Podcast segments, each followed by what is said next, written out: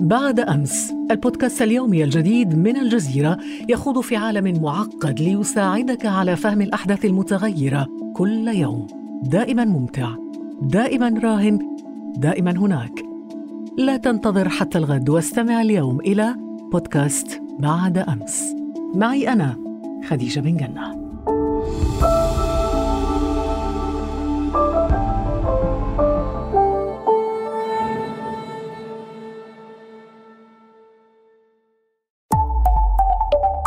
الجزيرة بودكاست. المكان أوكرانيا السوفيتية. الزمان الساعة الواحدة وخمس وعشرون دقيقة فجرا. أي الساعات الأولى من السادس والعشرين من نيسان أبريل لعام 1986 صيانة روتينية كان العاملون في الوردية المسائية يجرونها. في غرفة التحكم الرمادية نصف الدائرية والمليئة بالأزرار. كانت مجموعة منهم على وشك اختبار أثر انقطاع التيار الكهربائي عن نظام أحد أشهر المفاعلات النووية في العالم. لم يكن الاختبار ليستمر أكثر من عشرين ثانية إلا أن خطأ تقنيا في إعادة التشغيل كان قد حدث. شعر فني المفاعل والمسؤولون عن الاختبار بخلل ما. وبينما كان هذا القلق يتصاعد كانت توربينات المياه التي تستخدم لتبريد اليورانيوم في المفاعل النووي قد توقفت عن العمل. حرارة اليورانيوم ارتفعت بسرعة كبيرة إلى درجة الاشتعال والتخبط اتضح على ملامح المسؤولين هناك. سبع ثوان مرت قبل أن تنفجر نواة المفاعل رقم أربعة.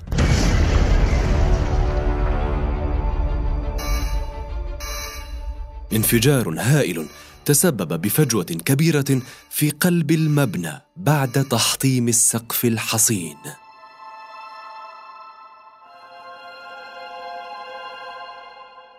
هذه حكاية مفاعل تشيرنوبل والكارثة الأسوأ في تاريخ الطاقة النووية والتي غيرت مفهومها وأهميتها في أذهان الناس.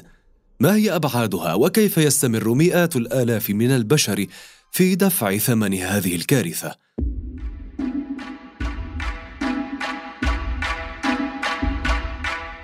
أهلا بكم في هذه الحلقة من بودكاست لحظة من الجزيرة. أنا فريد وهذه الحلقة بعنوان تشيرنوبل حين يتمرد العلم.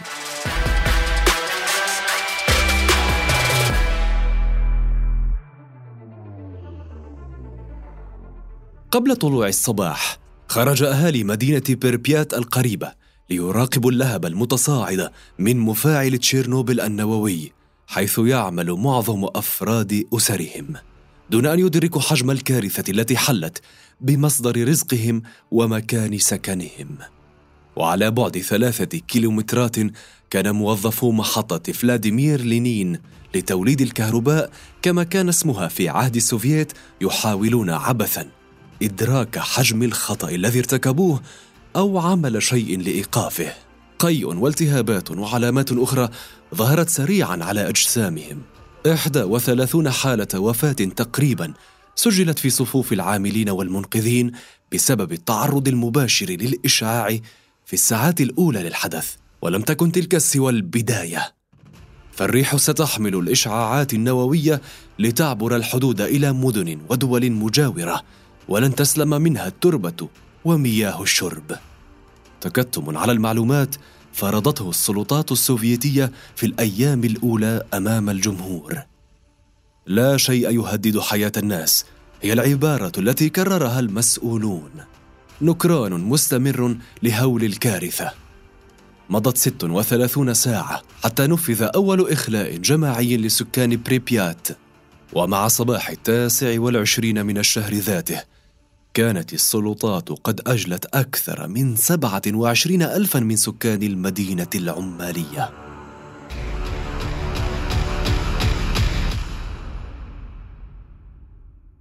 كان خطر الإشعاعات يزداد ساعة تلو الأخرى. في المقابل أعطى تقرير مدير المفاعل فيكتور بروكهانوف الحدث صورة أقل خطورة مما كانت عليه. ساعات أخرى مرت قبل أن يصدر أمر سري عن مجلس الوزراء الأوكراني لإجلاء سكان مدينة بريبيات القريبة بعد جمع مئات الحافلات. هذه المدينة التي أقيمت لإسكان العاملين في المفاعلات النووية وعائلاتهم على بعد ثلاثة كيلومترات من محطة توليد الطاقة في السبعينات. حينها كان العالم بقطبه الغربي يتجه نحو الطاقة النووية بعد الحرب العالمية الثانية وأراد الاتحاد السوفيتي اللحاق بهذا الركب. ومع بداية الثمانينات كانت المفاعلات النووية الأربعة لمحطة توليد الطاقة الكهربائية قد بنيت بالفعل. وفي انتظار إتمام المفاعلين الخامس والسادس كانت أوكرانيا تطمح لبناء أكبر محطة للطاقة النووية على كوكب الأرض. ما سيضمن توليد كميات كبيرة من الكهرباء لصالح المنطقة. طموحات وضع لها الانفجار حدا لم يكن بالحسبان. بينما كانت أعداد هائلة من رجال الإطفاء وعناصر الجيش السوفيتي والاستخبارات الأوكرانية ومنظفي الإشعاعات والمتطوعين يحاولون التعامل مع الحادث وحفظ النظام لم يفصح الاتحاد السوفيتي عن كارثة نووية بهذا التعبير المباشر. لكن الرياح التي حملت الإشعاع إلى محطة للطاقة النووية قرب العاصمة السويدية ستوكهولم شمالا أثارت حفيظة حكومة البلاد. ما كشف الأمر سريعا أمام المجتمع الدولي. وصارت الكارثة موضوعا متداولا بين المواطنين في موسكو عاصمة السوفييت وفي المدن الأوكرانية. وما يزال بعضهم يذكر كيف أخفت وسائل الإعلام السوفيتية الكثير من التفاصيل من ضمنهم الدكتور ديمتري بازيكا الذي أكد أن المعلومات القادمة من تشيرنوبل كانت was كنت أعمل طبيبا في كييف على بعد 120 كيلومترا من محطة تشيرنوبل للطاقة النووية. ولم يكن لدي أو لدى الأهالي في كييف عموما أي مصدر للمعلومات سوى الإذاعة السويدية. بعد ذلك عم رعب كبير في المدينة. المئات والآلاف من السكان حاولوا الهرب من المنطقة.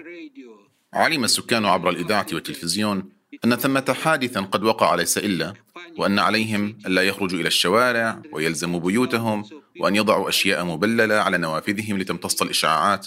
هذا ما بثه الإعلام وحسب.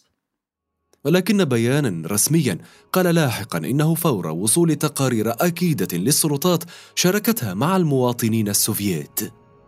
وفي الثلاثين من نيسان أبريل أي بعد أربعة أيام كان التلوث قد انتشر في المناطق الشمالية من أوكرانيا وفي مجاريها المائية. حاولت السلطات فورا بناء شبكة من الآبار الارتوازية لتزويد السكان بالمياه العذبة غير الملوثة بالإشعاع.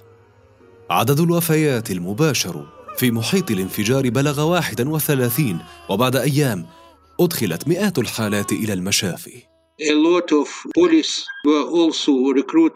كان رجال الشرطة ممن جرى فرزهم للعمل الطارئ في الحادثة وكذلك رجال الإطفاء في الاتحاد السوفيتي.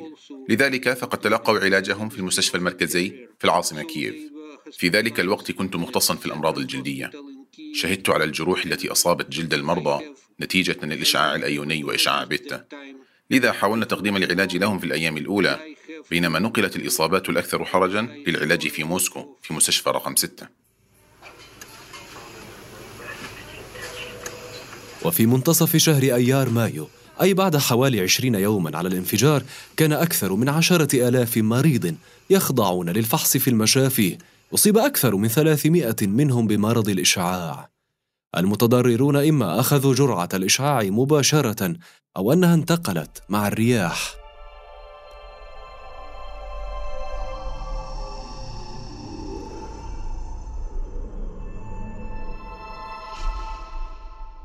سحابة دخان محملة بالمواد المشعة الخطيرة تكونت في السماء وكان لها دور كبير في هذا الانتشار السريع قبل أن تمطر غبارا في مناطق مختلفة لتختلط بنبات الأرض ومصادر المياه.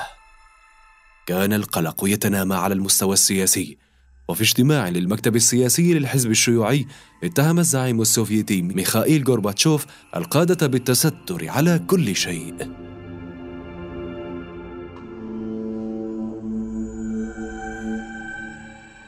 جرعات الإشعاع وصلت إلى نسب قياسية في بريبيات ومناطق أخرى محيطة وأطلق اسم المنطقة السوداء على المساحة المحيطة والتي بلغ نطاقها 30 كيلومترا حول محطة التوليد. مساحات شاسعة من الأراضي الزراعية قدرت ب 52 ألف كيلومتر مربع باتت ملوثة. وأنتج خلال السنوات اللاحقة آلاف الأطنان من اللحوم والحليب الملوث ووضع 75 مليون إنسان في ظروف صحية خطرة. ما زاد الأمراض الوراثية والأورام الخبيثة والتشوهات. ومنذ أكثر من ثلاثين عاما حتى هذا اليوم ما تزال أعداد الوفيات والمتضررين تتفاوت حسب مصدرها.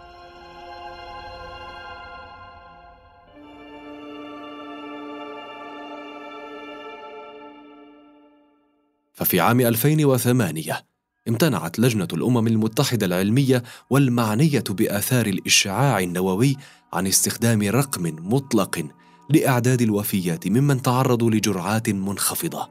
فيما قالت منظمة الصحة العالمية في تقرير سابق إن العدد الإجمالي للوفيات على المدى الطويل يصل إلى أربعة آلاف وفاة بين السكان الذين تعرضوا لإشعاع عال في أوكرانيا وروسيا البيضاء وروسيا بينما يصل إلى تسعة آلاف بين من تعرض لإشعاع منخفض ذلك عدا عن حالات متلازمة الإشعاع الحادة ومئات الآلاف المشاركين في حملات تنظيف التلوث الذين تعرضوا كذلك للإشعاعات النووية.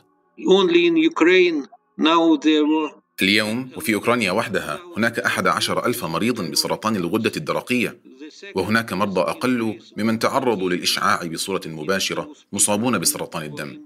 وسجل ارتفاع في معدلات الإصابة بالأورام الخبيثة لدى أولئك الذين شاركوا في عمليات تنظيف الإشعاع. ذلك عدا عن الأمراض غير السرطانية مثل أمراض الدماغ والقلب والأوعية الدموية. لذا علينا ألا نظن أن المتضررين كانوا المئة شخص الذين تعرضوا للإشعاع بشكل مباشر. فالآثار الجانبية كانت أكبر بكثير. ولكن الخسارة الفادحة لم تكن تتعلق بعدد الوفيات أو حجم الكارثة الصحية وحسب وفقا للأستاذ في الهندسة النووية في جامعة العلوم والتكنولوجيا في الأردن صلاح ملكاوي الذي قال إن أي تقنية شبيهة قد تحتمل إمكانية تسببها بخطر ما. عدد اللي بعديهم توفوا آه، ما بتقدر تثبت إنهم كانوا من الإشاعات، لكن اللي مثبت إنه كانوا بسبب إما مباشر أو بسبب أخذ جرعة عالية هو كان العدد 30. فإذا بنقارنه كعدد عدد آه، مش كبير مقارنة بحوادث بالصناعة. الثانية مثلا صار عندنا حوادث كيماويات كان عدد الضحايا أكبر بكثير بالآلاف. فإحنا بنحكي عن عن برنامج كان فيه واعد كثير. إجا الحادث كان تأثيره كبير على الناحية الاقتصادية وعلى بناء المفاعلات. رغم أن الوكالة الدولية للطاقة الذرية ومنظمات الأمم المتحدة تعاونت لمعالجة الإشعاع وإدارة النفايات النووية لاحقاً كان للوضع السياسي العالمي القائم حينها دور في مواقف الدول. الولايات المتحدة الأمريكية عرضت المساعدة ولكنها ركزت في انتقادها على تعامل الاتحاد السوفيتي مع الكارثة مطالبة إياه بشرح مفصل فيما كانت حكومات أوروبية أكثر انزعاجا لا سيما أنها شهدت مستويات إشعاع عالية نظرا لقربها الجغرافي. ولم يتخذ المجتمع الدولي في ظل هذه الانتقادات إجراءات قضائية ضد الاتحاد السوفيتي إلا أن الكرملين في موسكو فصل ثلاثة مسؤولين في محطة توليد الكهرباء إضافة إلى مهندس التصميم.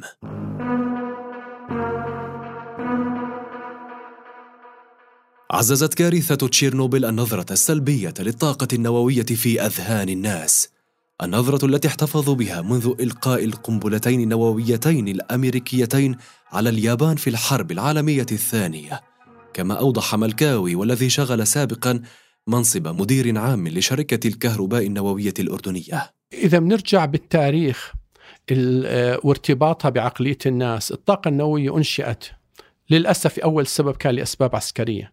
فارتباط الناس بهيروشيما وناغازاكي وعدد الضحايا بالرغم من مرور أكثر من جيلين عليه لكن ما زالت مرتبطة بذكرى الناس. فهو الاستخدام الأول للطاقة النووية كان مش لأسباب سلمية. أخرت تشيرنوبل مشاريع متعلقة بالطاقة النووية واستخدامها لتوليد الكهرباء في أماكن مختلفة.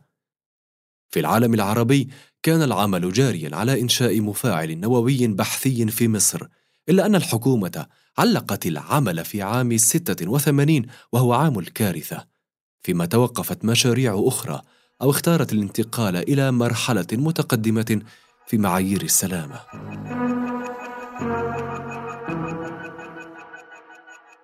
مصطلح ثقافة السلامة صيغ بعد الكارثة وزاد التعاون العالمي في هذا المجال لاعتماد معايير جديدة بالنسبة للنووي هو من أكثر الصناعات أو التكنولوجيا اللي عليها نظام رقابي. أنت عندك نظام الرقابي اللي بتفرضه عليك دولتك عندك الوكالة الدولية للطاقة الذرية اللي هي بيت الخبرة للعالم وعندك الاتحاد الأوروبي نظام الأمريكي نظام وكل دولة لها نظامها. بلا شك أنه بعد كل حادث نووي أنت بتخسر قبول شعبي.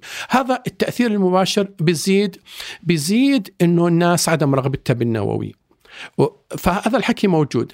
بنحكي على المستوى الفني المستوى الفني أنظمة السلام تم مراجعة أنظمة السلامة بما يسمى ال stress test انطلب من كل الدول اللي عندها مفاعلات تعمل ما يسمى stress test شو المقصود stress test إنه أنت بتفحص المفاعل حتى تشوف نقاط الضعف وبعض المفاعلات توقفت وتم إعادة تشغيلها فرفعت مستوى الأنظمة السلامة سواء بمفاعل شغال أو مفاعل قيد الإنشاء آه، أو مفاعل قيد التصميم. فظهر عندنا ما يسمى الجيل الثالث plus. بلدة تشيرنوبل على بعد 12 كيلومترا من المفاعل النووي.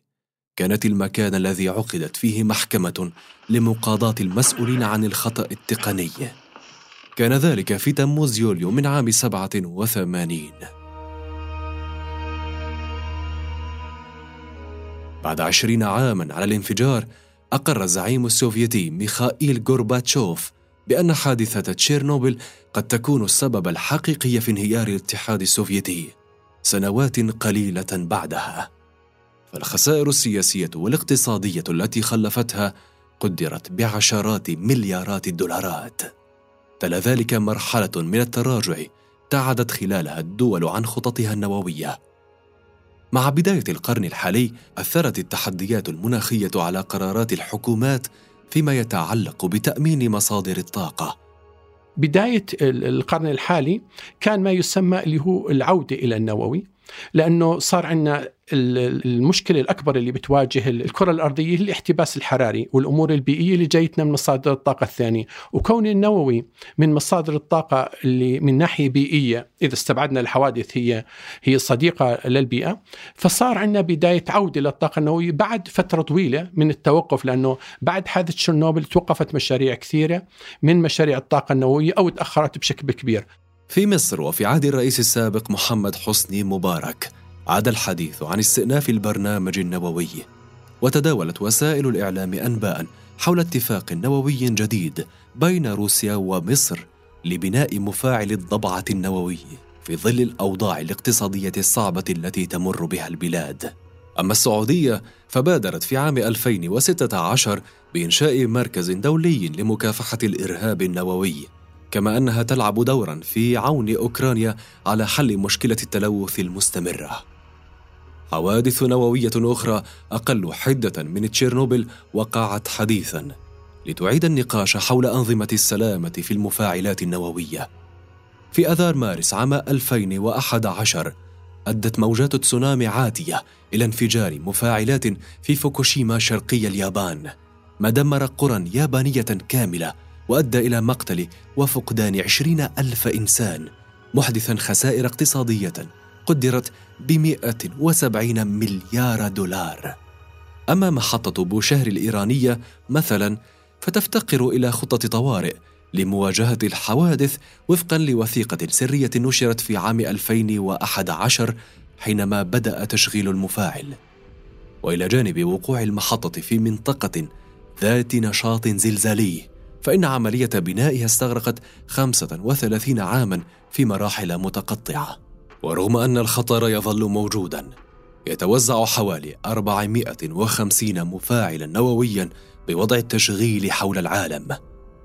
تنتج مجتمعة 11% من كهرباء الكوكب فيما يجري العمل على إنشاء أكثر من خمسين مفاعلا جديدا.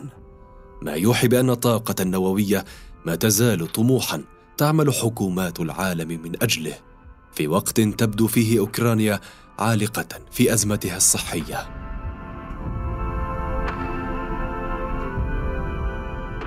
تنظم أوكرانيا اليوم من خلال مراكز متخصصة بحسب الدكتور ديمتري بازيكا فحوصا دورية لأعداد هائلة من السكان ممن لا تنتهي احتمالية إصابتهم بأعراض جانبية نتيجة الإشعاعات المستمرة.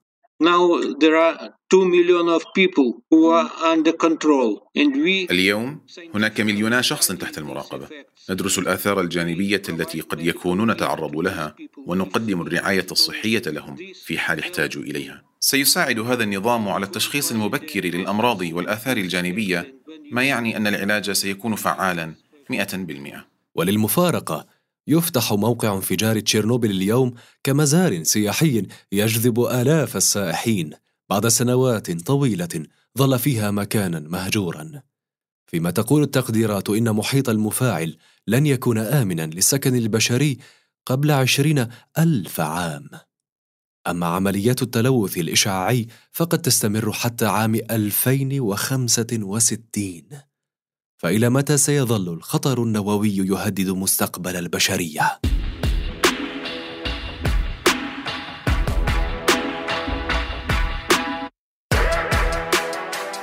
في الحلقة القادمة من بودكاست لحظة سنتناول لحظات أخرى غيرت حياتنا بشكل مختلف وربما في مجال مختلف أيضا انتظرونا الأسبوع المقبل لتتعرفوا على اللحظة القادمة ولا تنسوا زيارة موقعنا على الإنترنت podcast.aljazeera.net ومشاركة هذه الحلقة مع أصدقائكم.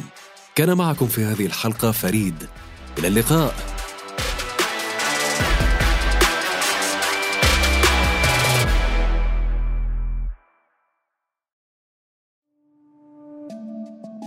بعد أمس البودكاست اليومي الجديد من الجزيرة يخوض في عالم معقد ليساعدك على فهم الأحداث المتغيرة كل يوم. دائما ممتع دائما راهن دائما هناك. لا تنتظر حتى الغد واستمع اليوم إلى بودكاست بعد أمس. معي أنا خديجة بن جنة.